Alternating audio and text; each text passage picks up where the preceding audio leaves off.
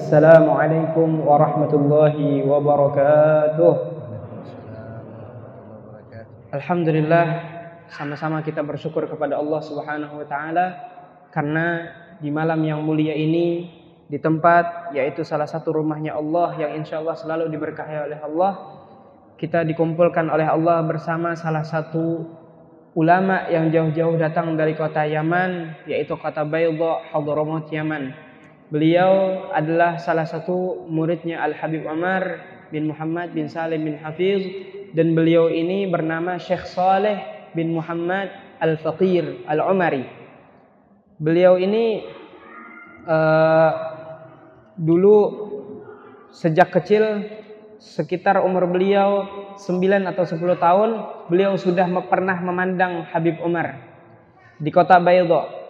Dulu Habib Umar ketika beliau masih muda, beliau dari kota Hadramaut dari kota Tarim beliau berangkat ke kota Baydha itu dengan perjalanan sekitar 24 jam perjalanan dengan menggunakan mobil. Beliau hijrah ke sana, pindah ke sana, belajar dan mengajar di sana. Kemudian satu hari Al Habib Omar ini keluar di sore hari ke sebuah lapangan dan beliau melihat ada beberapa orang anak yang saat itu sedang bermain bola mungkin sekitar 10 orang anak yang sedang bermain bola.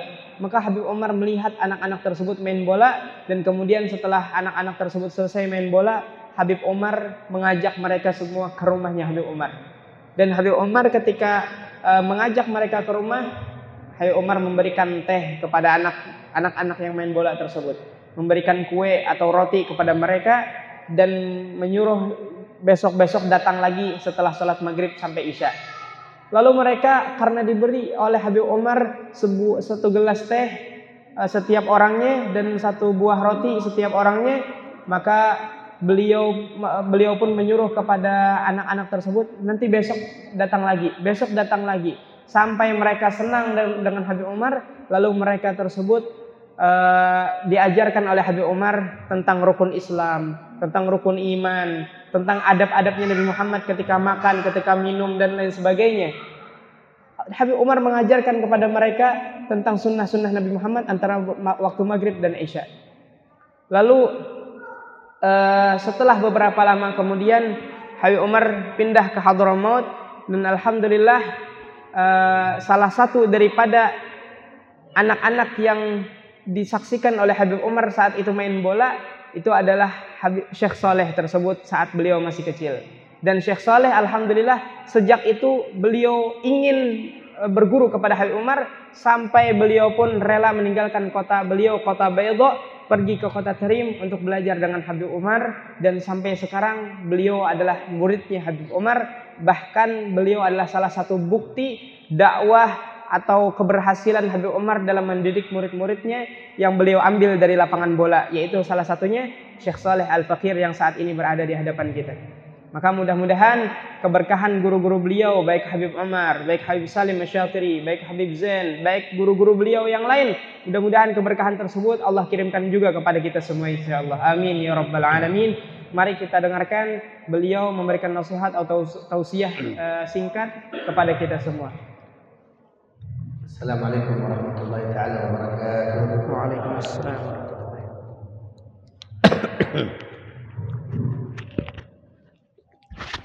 الحمد لله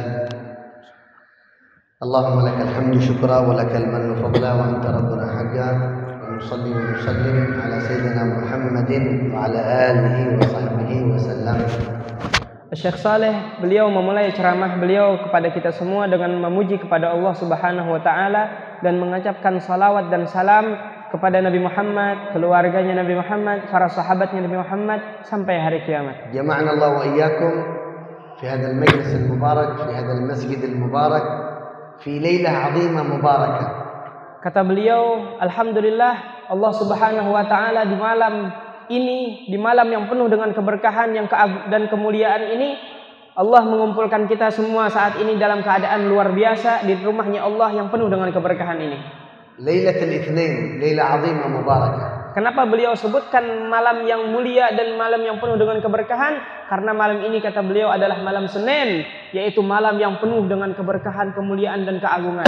من بعد المغرب يوم الأحد إلى مغرب يوم الاثنين ينظر الله سبحانه وتعالى إلى عباده mulai malam Ahad setelah maghrib malam Minggu sampai malam Senin ini Allah Subhanahu wa taala memandang dan mengingat kepada hamba-hambanya. Yaghfirullah li kulli man yaqul la ilaha illallah innal mutashahinin mutashahinin ithnin la yanzuru Allah ilaihim yaqul anziruhuma anziru hadain hatta yastaliha.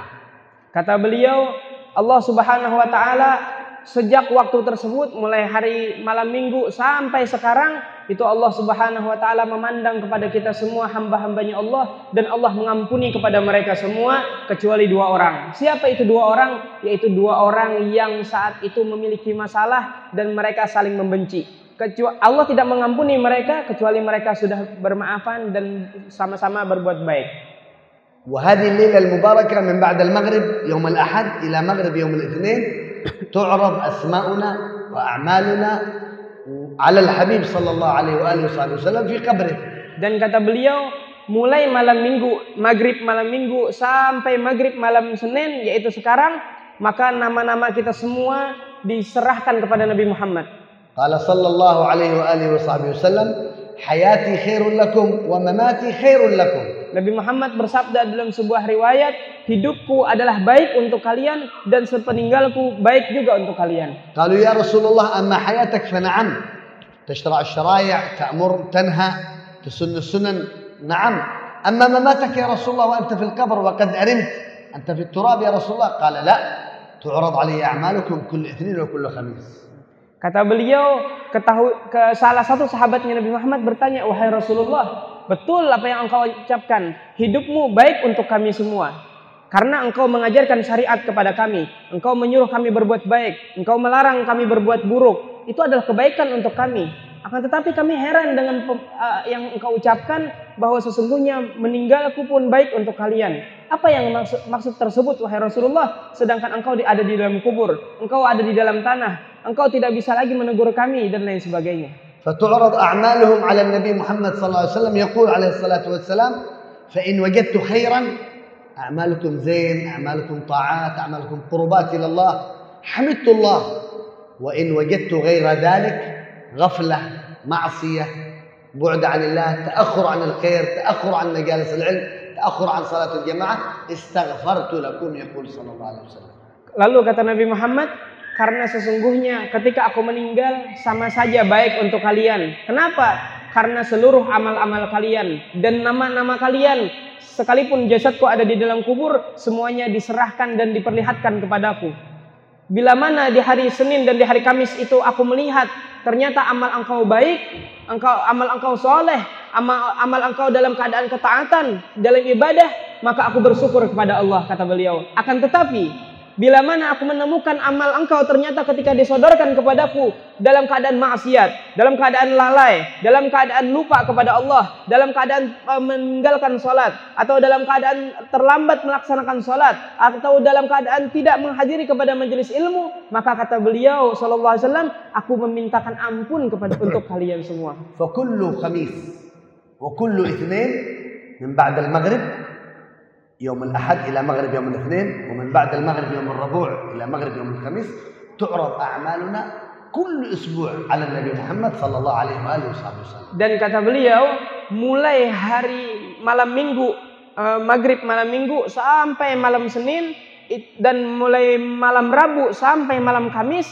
maghribnya itu mul- sejak di waktu-waktu itu diserahkan semua amal-amal kita kepada Nabi Muhammad dan dilihat eh, diserahkan nama-nama kita kepada Nabi Muhammad dan ini dilakukan setiap minggu kata beliau sampai hari kiamat. ما أجمل وما أحلى عندما يعرض عملك كل اثنين وكل خميس على النبي محمد وأنت في الطاعة وأنت في القرب إلى الله وأنت في التقوى وأنت في الاستقامة مع الله سبحانه وتعالى يفرح قلب النبي محمد صلى الله عليه وسلم Alangkah indahnya kata Nabi Muhammad. Alangkah beruntungnya, alangkah manisnya jika seandainya setiap hari Senin dan setiap hari Kamis tersebut nama kita amal kita ketika disodorkan kepada Nabi Muhammad, ketika Nabi Muhammad melihat amal-amal kita dalam keadaan taat, dalam keadaan takwa, dalam keadaan ibadah, maka Nabi Muhammad SAW senang, bangga dan apa yang kita lakukan tersebut membuat hati Nabi Muhammad bahagia melihat kita semua. ومن أعظم ما يسر قلب النبي محمد صلى الله عليه وسلم يجعل قلب النبي مسرور فرحان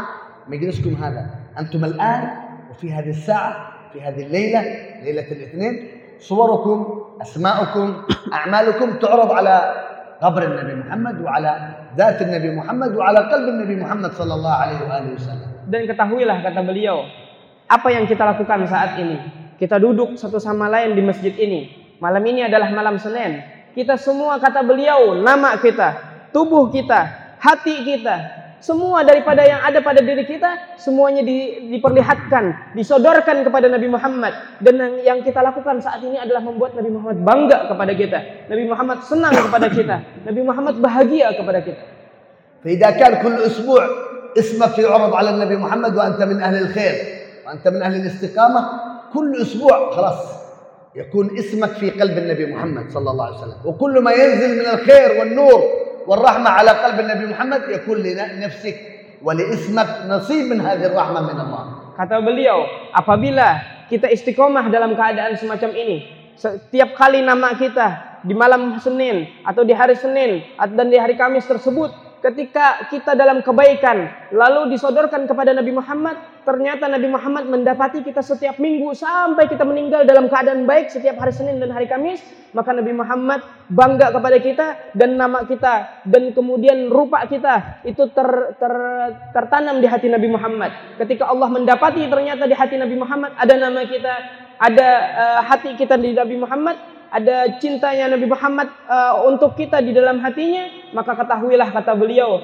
ketika rahmat turun ke dalam hatinya Nabi Muhammad, rahmat itu pun akan datang kepada kita insyaallah. ويكون اسمك أو اسمك معروف عند النبي محمد يوم القيامة يعرف اسمك بين الناس كلهم أوه هذا فلان الذي كل اثنين وخميس يعرض عليه وهو من أهل الصلاح من أهل الاستقامة كونوا فيها هكذا Dan kata beliau, ketika hal itu engkau istiqomah, setiap hari Senin dan hari Kamis, nama engkau disodorkan kepada Nabi Muhammad, ketahuilah kata beliau, ambil kabar gembira bahwa nanti di hari kiamat Nabi Muhammad kenal dengan kita. Ingat Nabi Muhammad dengan kita. Ketika orang seluruh manusia di penjuru dunia, mulai Nabi Adam sampai hari kiamat kelak, berbaris mereka semua Ketika Nabi Muhammad melihat kita, Nabi Muhammad akan kenal kepada kita. Oh, ini adalah seorang laki-laki atau ini adalah seorang perempuan yang kudapati amalnya atau akhlaknya atau perbuatannya setiap hari Senin dan hari Kamis dalam ketaatan, dalam kebahagiaan, dalam ketakwaan. لكن المصيبة الكبرى والمشكلة العظمى عندما يعرض اسمك على النبي محمد صلى الله عليه وسلم في كل اثنين وكل خميس وأنت من أهل الغفلة وأنت على معصية وأنت على بعد عن الله سبحانه وتعالى يعرض اسمك قلب النبي يتكدر آه يبكي رسول الله عليك في قبره disebabkan sallallahu sallam mubarak alaihi wa. Dan kata beliau, na'udzubillahi min dzalik, kita semoga berlindung daripada hal hal ini insyaallah. Apa ketika disodorkan nama nama kita semua kepada Nabi Muhammad. Setiap hari Senin, setiap hari Kamis, nama kita, amal kita disodorkan, diperlihatkan kepada Nabi Muhammad. Ternyata Nabi Muhammad mendapati kita saat hari Senin dan hari Kamis itu dalam kelalaian, dalam kejauhan dari Allah Subhanahu wa taala, jauh daripada akhlaknya Nabi Muhammad, jauh daripada ketakwaan kepada Allah, maka semua itu akan membuat Nabi Muhammad sedih di dalam kuburnya. Nabi Muhammad menangis kepada karena kita semua. Maka kata beliau betapa ruginya orang yang semacam ini. Wa faidat wujudna fi hadhihi dunya an nabhath wa an nas'al Allah wa an na'mal syai' min al-a'mal hatta naskun fi qalbi Nabi Muhammad. Fa idza ahabbana Nabi Muhammad Wa ahabbana Nabi Muhammad ahabbana Allah jalla jalaluh. Dan tujuan kita hidup di dunia, kita berada di dunia ini kata beliau, sesungguhnya apa pun yang kita lakukan, apa pun yang kita kerjakan, apa pun yang kita uh, lakukan setiap hari kata beliau adalah semuanya untuk menyenangkan hati Nabi Muhammad. Apabila Nabi Muhammad senang dengan apa yang kita lakukan, maka beruntunglah kita. لا ينفع كثرة الصلاة وكثرة الأعمال وكثرة الطاعات وأنت بعيد من النبي محمد صلى الله عليه وسلم Sedikit pun kata beliau tidak akan bermanfaat kita banyak salat, kita banyak puasa, kita banyak sedekah dan lain sebagainya. Akan tetapi kita jauh dari Nabi Muhammad, maka seha- semua amal tersebut tidak akan bermanfaat. ولو تقوم الليل كله وتصوم النهار كله وتصوم الدهر كله وأنت بعيد عن أخلاق ليس لك نصيب من الجنة وليس لك نصيب من الرحمة في الدنيا والآخرة. Dan ketahuilah kata beliau, sekalipun engkau bangun di tengah malam, beribadah semalaman penuh tidak tidur sedikit pun dan di siang harinya engkau puasa seumur hidup. Akan tetapi engkau akhlak engkau dan adab engkau setiap hari jauh daripada Nabi Muhammad maka sedikit pun kata beliau engkau tidak akan mendapati bagian daripada kebaikan Nabi Muhammad. Ad-dalil ala Apakah kalian mau dalil atau bukti yang aku sampaikan? الصحابة يا رسول الله امرأة في المدينة صوامة هذا صيغة مبالغة. كثيرة الصيام قوامة ما هي تقوم قليل يوم وت- وتنام لا قوامة كثيرة القيام في الليل صوامة قوامة لكنها تؤذي جيرانها بلسانها قليلة أدب ما في معها أدب مع الجيران ما في معها سنن النبي محمد مع الجيران آداب النبي محمد مع الجيران ماذا قال النبي صلى الله عليه وسلم لا خير فيها هي من أهل النار Dalilnya kata beliau disebutkan dahulu oleh sahabat Nabi Muhammad bertanya eh, mengatakan melaporkan kepada Rasulullah, "Wahai Rasulullah, aku pernah menemukan seorang perempuan. Dia perempuan ini di sia- di malam harinya selalu beribadah kepada Allah. Tidak tidur tidak tidur semalaman penuh, beribadah kepada Allah. Bangun di tengah malam, akan tetap dan di siang harinya dia puasa terus menerus puasa. Bukan puasa yang sedikit kata beliau tapi setiap hari puasa. Ka- ka- akan tetapi wahai Rasulullah dia punya lidah yang selalu menyakiti tetangganya. Tidak memiliki akhlak kepada tetangganya. Tidak memiliki adabnya Nabi Muhammad kepada tetangganya. Bagaimana keadaan ini wahai Rasulullah apa yang dijawab oleh Nabi Muhammad? Ketahuilah, perempuan itu sekalipun dia puasa di siang harinya, bangun di tengah malamnya, akan tetapi dia menyakiti hati tetangganya dan jauh daripada akhlak eh, Nabi Muhammad dengan tetangganya, maka orang tersebut tidak ada sedikit pun kebaikan di dalam dirinya dan dia adalah termasuk ahlun nar. Nauzubillah. Iblis lam ya'budallah ahad mithl iblis, akbar 'abid, akbar musalli, akthar ibadah 'inda Allah iblis lamma kan ta'us al-malaikah. Ketahuilah kata beliau, yang namanya iblis itu adalah orang yang paling luar biasa ibadahnya kepada Allah, orang yang paling luar biasa ilmunya, orang yang paling luar biasa kedekatannya dengan Allah dahulu. Ma mawdu' shibr fi sama ma makan shibr fi sama illa wa syaitan hada iblis qad sajad sajdah lillah fi. Ketahuilah kata beliau, tidak ada sedikit pun daripada langit itu kecuali semuanya bekas tempat sujudnya iblis. Lakin لما قال الله الله أسجد لآدم. دخل في قلبه. الكبر أنا خير منه قلة أدب مع مخلوق. قلة أدب مع نبي من أنبياء الله. أنا خير منه لا أسجد. أسجد لآدم. لا أنا خير منه. الله نظر إلى عباداته لم ينظر إلى عباداته. خلاص كل العبادات تذهب. هذه المعصية تهدم جميع العبادات. لعنه الله بسبب الكبر. والعياذ بالله Akan tetapi kata beliau, manakala iblis ini, padahal dia punya ibadah yang luar biasa kepada Allah, padahal dia punya ilmu dari eh, luar biasa, akan tetapi manakala Allah suruh sujud kepada Nabi Muhammad SAW, apa yang dikatakan iblis? Oh tidak wahai Allah, aku tidak akan sujud kepada Nabi Muhammad karena aku lebih baik daripadanya. Ini tidak memiliki adab kepada hamba-hamba Allah, tidak memiliki adab kepada Nabi Muhammad karena jauh daripada adab tersebut maka Allah Subhanahu wa taala tidak memandang kepada amal iblis, tidak memandang kepada ibadah iblis, tidak memandang kepada ilmu iblis dan Allah murka kepada iblis. Lidzalik ayuha ahbab, nahnu fi dunya wazifatuna nabhath an qurbana min Nabi Muhammad fi dunya. Oleh karena itu kata beliau, wahai hadirin para pecintanya Nabi Muhammad, kita saat ini hidup di dalam dunia ini yang kita cari dan kita pelajari adalah bagaimana kita bisa berdekatan dengan Nabi Muhammad. والنبي محمد يقول صلى الله عليه وسلم لو صليتم حتى تكونوا كالحنايا من كثرة الصلاة خلاص الظهر منحني ولو صمتم حتى ستصيروا كالأعواد من كثر الجوع أنتم مثل العود نحيف ما تقبل من أحدكم ما يقبل الله عبادتكم لماذا يا رسول الله إلا بورع بورع حاجز illa bil wara. Al wara adab min adab Nabi Muhammad sallallahu alaihi wasallam. Nabi Muhammad dahulu pernah bersabda dalam sebuah riwayat bahwa sesungguhnya Nabi Muhammad mengatakan kepada para sahabat-sahabatnya wahai sahabat-sahabatku seandainya engkau salat siang dan malam engkau selalu dalam keadaan salat sampai-sampai engkau memiliki punggung bengkok karena terlalu sering sujud dan ruku akan atau engkau um, memiliki tubuh seperti batang pohon yang sangat uh, kecil karena engkau terlalu banyak puasa maka Allah tidak akan menerima amal puasamu dan amal sholatmu tersebut apabila engkau tidak memiliki sifat wara. Sifat wara ini adalah sifatnya Nabi Muhammad, adabnya Nabi Muhammad. Lidalik nabhath min hadhihi al-lahdha aina nahnu min qurbana min Nabi Muhammad. Hal Rasulullah ya'rifuna? Hal Rasulullah yuhibbuna sallallahu alaihi wasallam? Sekarang kata beliau kita akan bahas sedikit tentang akhlak ini, tentang adabnya Nabi Muhammad SAW ini, dan tanyakan kepada diri kita semua, bagaimana kedekatan kita dengan Nabi Muhammad? Di mana kita dengan Nabi Muhammad? Apakah nama kita saat ini ada di hati Rasulullah? Ada sahabat ismah Julaibib. Dahulu ada seorang sahabat yang bernama Julaibib. Ada Julaibib tasghir Gilbab. Ini Julaibib ini adalah uh, kalimat yang ditasghir menjadi uh, yang asalnya jilbab. Sayyidina Julaibib kana fakir.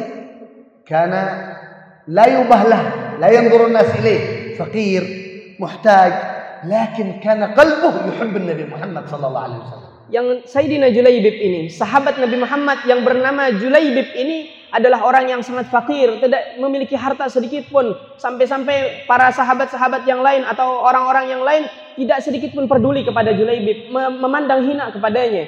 Akan tetapi Julaibib ini memiliki cinta dan hubungan hati yang luar biasa terpaut kepada Nabi Muhammad. Laisa mithl baqi as-sahabah yusallimun nas alaih, yaqumun nas la yusafihunahu. La, Julaibib muhmal.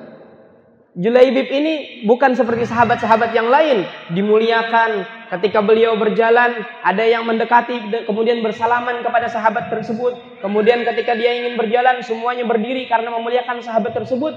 Adapun Julaibib tidak sedikit pun. Julaibib tidak diperdulikan bahkan beliau dihinakan dan dianggap remeh oleh orang-orang saat itu. Sa'alahu Nabi Muhammad sallallahu alaihi wasallam Julaibib ala tatazawwaj?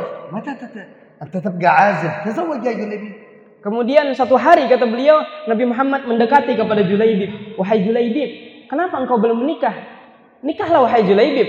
Kali Rasulullah, wa man yuzawijuni ana faqir miskin muhmal yani la ma fi ahad yuhibbuni ma fi ahad yuqaddirni ma fi taqdir fi qulub as-sahaba li ana ma, ma, ma fi ahad yuhibbuni ya Rasulullah man yuzawijni ya Rasulullah nah, kata beliau eh, uh, Julaibib menjawab kepada Nabi Muhammad wahai Rasulullah bagaimana cara aku menikah Aku tidak memiliki harta sedikit pun. Aku orang yang fakir. Bahkan aku dihina-hinakan di hadapan orang banyak. Aku dianggap tidak ada. Akan tetapi, kemudian bagaimana aku bisa menikah wahai Rasulullah? Satu orang pun tidak ada yang mencintaiku setahuku. Satu orang pun tidak ada yang peduli denganku setahuku kemudian siapa yang bisa menikahkanku sehingga aku uh, bisa memiliki istri? Kalau Nabi SAW, anak uzawujaka Nabi. Uh, Nabi Muhammad mengatakan, wahai Julaibib, aku yang akan menikahkanmu. Nabi Muhammad ila bait wahid min as-sahabah. Kemudian Nabi Muhammad mengambil tangan Julaibib, digandeng oleh Nabi Muhammad, dibawa kepada salah satu rumah sahabatnya Nabi Muhammad. Dakhal as-sahabah Nabi Muhammad ma'a Julaibib ila bait hadha sahabi. Kemudian masuklah Nabi Muhammad bersama Julaibib ke rumah tersebut. Sallam alaihim Nabi sallallahu Kemudian Nabi Muhammad mengucapkan salam. Qal ya ahlul bait nahnu ji'na nakhthub bintakum al-karimah. Hadha as-sahabi وزوجته فرحانين. رسول الله جاي يخطب بنتنا له. الحمد لله البنت من فوق تسمع الخطاب ما بين أبيها. أهلا وسهلا رسول الله. نحن نفرح. البنت بنتكم وهي لكم وهي. قال لا أنا جيت أخطب بنتي لجليبيب هذا. جليبيب يا رسول الله. أما جليبيب نحن صراحة آه، نسأل البنت يا رسول الله. Kemudian kata beliau, eh, Rasulullah SAW ketika sudah masuk mengucapkan salam bertemu dengan ayahnya daripada perempuan ahli rumah tersebut, wahai ahli rumah, wahai pemilik rumah, kami datang ke rumahmu ini dengan niat ingin eh, mengkhidbah atau melamar putrimu. Oh, ah, semua ahli rumah tersebut senang, bangga, bahagia. Oh, Nabi Muhammad ingin menikahi putriku. Oh, perempuannya dari jauh mendengar Nabi Muhammad ingin menikahinya. Oh, senangnya luar biasa. Setelah Nabi Muhammad menjelaskan, kami datang ke sini ingin menikahi eh, putrimu untuk sahabatku yang bernama Julaibib tersebut. Maka ayahnya tersebut oh Julaibib, waduh, kena dulu ulun betakon lawan anak ulun dulu. Kali ya Rasulullah, nas'al al-bint awalan. Nah, maka Nabi Muhammad mempersilahkan, silahkan tanyakan kepada putrimu, apakah dia mau menikah dengan sahabatku yang bernama Julaibib?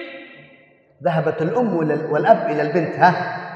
رسول الله جاي يخطبك لجليبيب نحن كنا نظن أنه أنه يخطبك له صلى الله عليه وسلم لكن خاب الظن لجليبيب هذا الفقير المسكين ماذا قالت البنت البنت ذكية قالت ضعوني بين يدي رسول الله والله لا يضيعني akhir, ish, akhir. ضعي- ضعوني بين يدي رسول الله الله لا يضيعني خلاص Kata beliau, eh, Nabi Muhammad, eh, kemudian ayah dan ibu putri tersebut datang mendatangi putrinya. Wahai anakku, itu Rasulullah datang tuh. Kami kira tadi Rasulullah datang ke sini ingin menikahimu, ingin melamarmu. Oh ternyata Rasulullah SAW ingin melamarmu tapi untuk Julaibib. Julaibib orang yang fakir, orang yang susah, orang yang tidak memiliki eh, jabatan dan lain sebagainya. Apakah engkau mau menikah dengan Julaibib, wahai anakku? Maka Jula- eh, perempuan tersebut adalah perempuan yang cerdas, perempuan yang solehah. Beliau mengatakan, wahai ayah dan ibuku, bawalah aku untuk ke hadapan Nabi Muhammad dan Allah tidak akan menyia-nyiakanku. فذهب الأب إلى رسول الله قال يا رسول الله تقول بنتنا ضعوني بين يدي رسول الله لا يضيعني الله Wahai Rasulullah, sesungguhnya anakku menjawab barusan wahai Rasulullah kata ayahnya perempuan ini katanya bawalah aku ke hadapan Nabi Muhammad izinkan aku menikah dengan uh, orang yang dipilih oleh Nabi Muhammad karena dia yakin bahwa Allah tidak akan menyia-nyiakannya. Nabi nikah lahuma. Maka saat itu dinikahkan oleh Nabi Muhammad. Wada'a. Kal Allahumma subba alaihim rizq sabba. Ya, kemudian Nabi Muhammad mengangkat tangannya, "Ya Allah, berikanlah, limpahkanlah rezeki yang banyak kepada mereka berdua." Wa da'alhum da'awat 'azimah lizawj Doa ini adalah doa yang agung kepada suami istri. صار جليبيب من أغنى أهل المدينة Jadilah saat itu setelah didoakan oleh Nabi Muhammad, Julaibib beserta istrinya termasuk orang yang paling kaya di kota Madinah. جاءت غزوة بدر في السنة الثانية من الهجرة غزوة بدر جاءت Kemudian Julaibib, لا جاءت غزوة بدر kemudian datanglah uh, peperangan Badar saat itu. غزوة بدر هذا القتال بين نعم. الكفار والمسلمين فحضر جليبيب غزوة بدر Maka Julaibib saat peperangan Badar saat e, ter, terjadi, maka Julaibib keluar bersama Nabi Muhammad untuk melawan orang kafir. Qalbu Julaibib lam yataghayyar 'ala nabi la zal yuhibbu nabi la zal ya'shaq nabi Muhammad sallallahu alaihi wasallam. Yang luar biasanya dari Julaibib ini kata beliau, Julaibib setelah menikah dan menjadi orang yang kaya, sedikit pun hatinya tidak berubah dengan Nabi Muhammad, tetap sangat cinta pada Nabi Muhammad Sangat selalu ingin bersama Nabi Muhammad. Ma- وكل يوم يزداد حبا للنبي محمد Bahkan kata beliau setiap hari Julaibib ini selalu bertambah cintanya, kangennya, rindunya dengan Nabi Muhammad. جاءت غزوة بدر Lalu beliau pun menghadiri eh, eh, datanglah peperangan Badar ini. انتهت المعركة قتل 13 من الصحابة Ketika selesai peperangan tersebut, maka terbunuhlah sekitar 313 orang sahabat. لا مات قتل من الصحابة آه، استشهد من الصحابة 13 فقط 13 Tiga, tiga, 13 orang kata beliau eh, terbunuh saat peperangan Badar itu. النبي محمد يسأل الشهداء من الشهداء فلان وفلان وفلان وفلان وفلان وفلان خلاص يدفنوا هؤلاء الصحابة عليهم رضوان الله يقول النبي بقي أحد من الشهداء قالوا ما في أحد يا رسول الله لا نعرف أحد Nah, kemudian Nabi Muhammad bertanya, siapa yang telah terbunuh di peperangan ini? Ini wahai Rasulullah, fulan, fulan, fulan. Ya sudah dikuburkan secepatnya kata Nabi Muhammad. Kemudian siapa yang yang tersisa? Kemudian sahabat-sahabat yang lain tidak ada yang bisa menjawab. Kami tidak tahu wahai Rasulullah. قال النبي إلا جليبيب أين جليبيب أنا أفتقد جليبيب أين جليبيب حبيبي هذا Oh, kemudian Nabi Muhammad bertanya di akhir eh, pertanyaannya, mana Julaibib? Julaibib mana? Aku gerindu dengan Julaibib. Aku perlu dengan Julaibib. Julaibib adalah kekasihku kata Nabi Muhammad. ذهبوا وجدوا جليبيب في طرف المعركة هناك قتل سبعة من الكفار Kemudian ternyata Julaibib pergi ke satu daerah, kemudian Julaibib membunuh lima daripada sabah min kufar. Tujuh daripada orang-orang kafir. Qatal kufar kathir wa fihi sab'a ta'anat bis-sayf bil rumh nah, Ta'anat Kemudian uh, diperhatikan, dicek lagi tuh ternyata Julaibib banyak membunuh eh, orang-orang uh, kafir dan Julaibib menusukkan pedangnya kepada orang-orang kafir tersebut sampai tujuh tusukan dalam satu orang. Wastasyhad hunak في طرف المعركة هناك في Oh, Julaibib yukta. نعم Oh, ternyata kata beliau Julaibib tersebut eh, terbunuh dan Julaibib tersebut eh, mati syahid saat itu. فحفروا القبر لجليبيب Kemudian digalilah kubur untuk Julaibib. وجليبيب في حضن النبي صلى الله عليه وسلم Dan saat itu Julaibib dipangku oleh Nabi Muhammad. فقبل أن يدفنوا جليبيب قال النبي انتظروا نزل ج- النبي محمد فاضطجع في قبر جليبيب هذا نام قبل أن يدفنوا جليبيب Nabi fi qabr sallallahu Ketika Julaibib sudah ingin dimasukkan ke dalam kuburnya, maka kata Nabi Muhammad, "Tunggu sebentar wahai sahabat-sahabatku. Aku dulu yang berbaring di kuburnya Julaibib." Setelah Nabi Muhammad berbaring sebentar, baru Julaibib dimasukkan ke dalam kuburnya. Rafa'a fi sama' Nabi Muhammad fi qabr Julaibib Kemudian Nabi Muhammad SAW mengangkat tangannya ke langit untuk mendoakan Julaibib. Qal Allahumma inni radin an Julaibib, farba an Julaibib ya Allah. Apa yang didoakan Nabi Muhammad? Ya Allah, sesungguhnya aku ridho dengan kekasihku, sahabatku yang bernama Julaibib, maka tolong ridhoilah Julaibib wahai Allah. Dan hadhi khulasat nihayat hubb Nabi Muhammad, at-ta'alluq al-qalbi bin Nabi Muhammad. Shuf جليبيب ليس مثل أبو بكر وعمر وعثمان وعلي وأبو عبيدة بن الجراح وحمزة وفلان وفلان وفلان كبار الصحابة. جليبيب لا يوبه له ضعيف فقير. لكن قلبه معلق بالنبي محمد النبي ينام في قبره صلى الله عليه وسلم. Ini kata beliau cerita orang yang memiliki cinta luar biasa pada Nabi Muhammad. Julaibib adalah orang yang hina, orang yang fakir, orang yang biasa, bahkan tidak tidak diperdulikan saat itu. Bukan seperti Sayyidina Abu Bakar, bukan seperti Sayyidina Umar, bukan seperti Sayyidina Osman, Ali, Sayyidina Hamzah dan lain sebagainya. Julaibib hanya orang yang biasa saat itu. Akan tetapi ketika hatinya cinta luar biasa pada Nabi Muhammad, maka lihat akhirnya Julaibib. Jadi, jika aradna ingin naskun fi qalbi sallallahu alaihi wasallam ونتعلق به صلى الله عليه وسلم قال الله سبحانه وتعالى قل إن كنتم تحبون الله فاتبعوني يحببكم الله إذا أردنا محبة النبي نتبع النبي محمد المحبة بالاتباع ليس بالقول Oleh karena itu kata beliau, apabila kita ingin nama kita, kita sendiri ada di hatinya Nabi Muhammad, bertempat dan dicintai oleh Nabi Muhammad di dalam hatinya, maka hendaklah kata beliau, fattabi sebagaimana Allah sebutkan dalam Al-Qur'an, eh, in kuntum tuhibbunallah fattabi'uni. Kalau engkau ingin dapat cintanya Allah dan cintanya Nabi Muhammad, maka ikutilah Nabi Muhammad.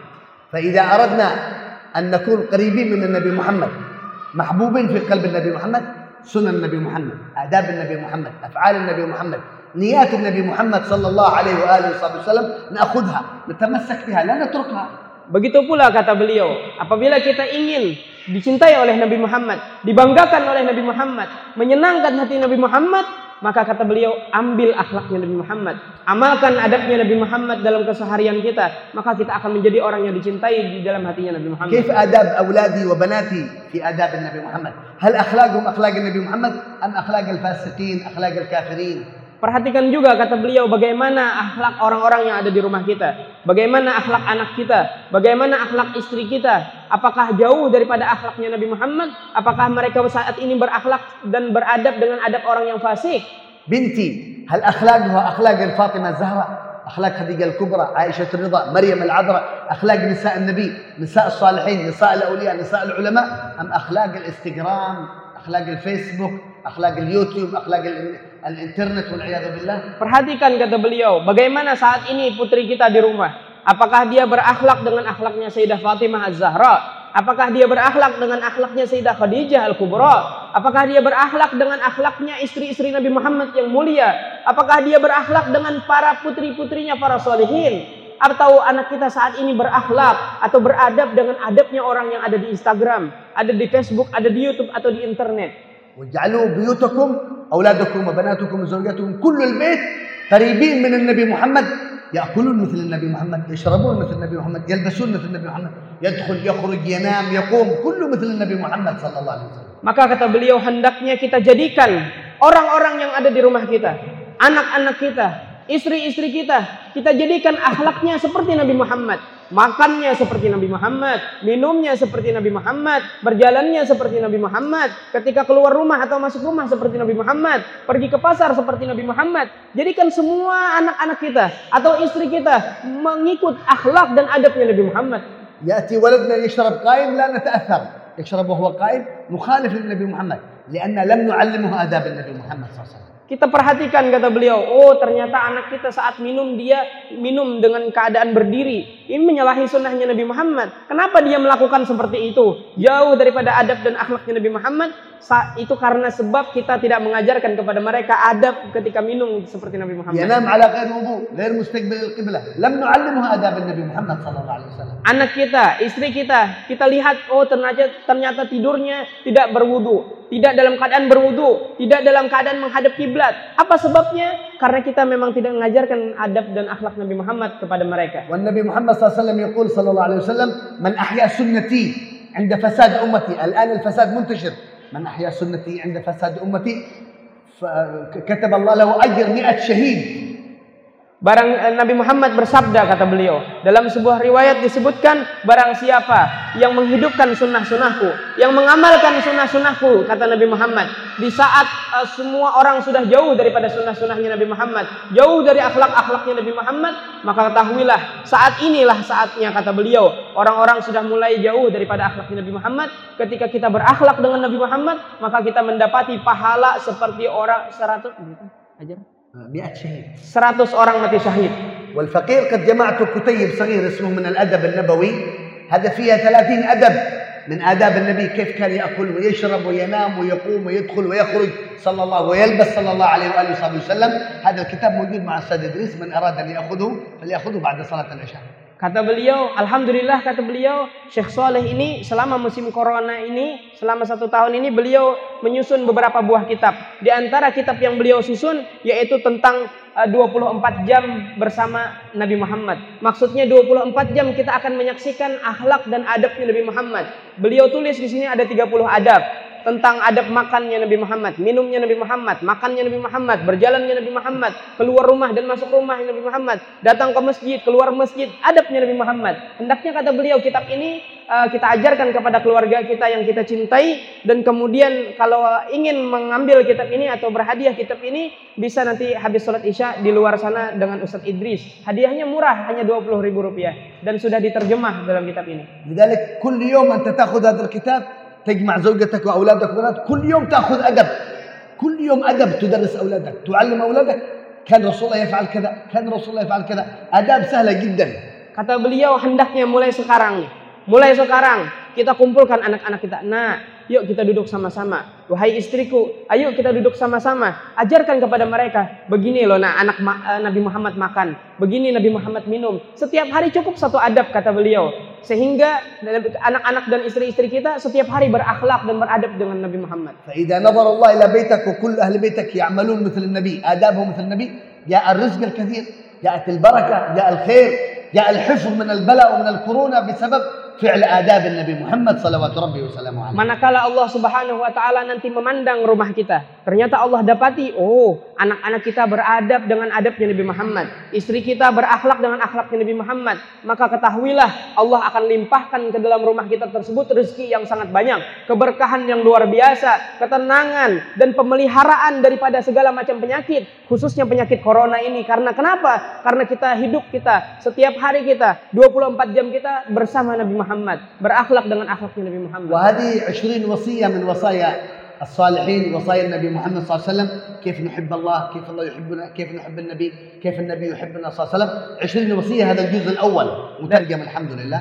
dan kata beliau begitu juga beliau juga menyusun sebuah buku tentang wasiat wasiat atau nasihat-nasihat untuk hamba-hamba Allah bagaimana caranya agar kita mencintai Allah mencintai Nabi Muhammad kita dicintai Allah dan dicintai Nabi Muhammad beliau tulis 20 wasiat atau 20 nasihat di dalam kitab ini dan juga sudah diterjemah kata beliau. حتى الوصية التاسع عشر كيف أرى كيف ألتقي بالنبي محمد في المنام أسباب رؤية النبي محمد في المنام صلى الله عليه وسلم dan juga kata beliau di dalam kitab ini beliau sebutkan di wasiat yang ke-19 tentang bagaimana atau apa saja sebab-sebab yang membuat kita bisa bermimpi Nabi Muhammad melihat Nabi Muhammad di dalam mimpi kita كل يوم أعطي أولادك وصية وصية كذا الثانية الثالثة الرابعة كل يوم وصية مدة 20 يوم الحمد لله Kata beliau cukup setiap hari kita ajarkan satu wasiat aja, satu nasihat aja kepada anak kita, istri kita. Insya Allah 20 hari selesai karena cuma 20 nasihat kata beliau. نسأل الله لنا ولكم إن شاء الله القبول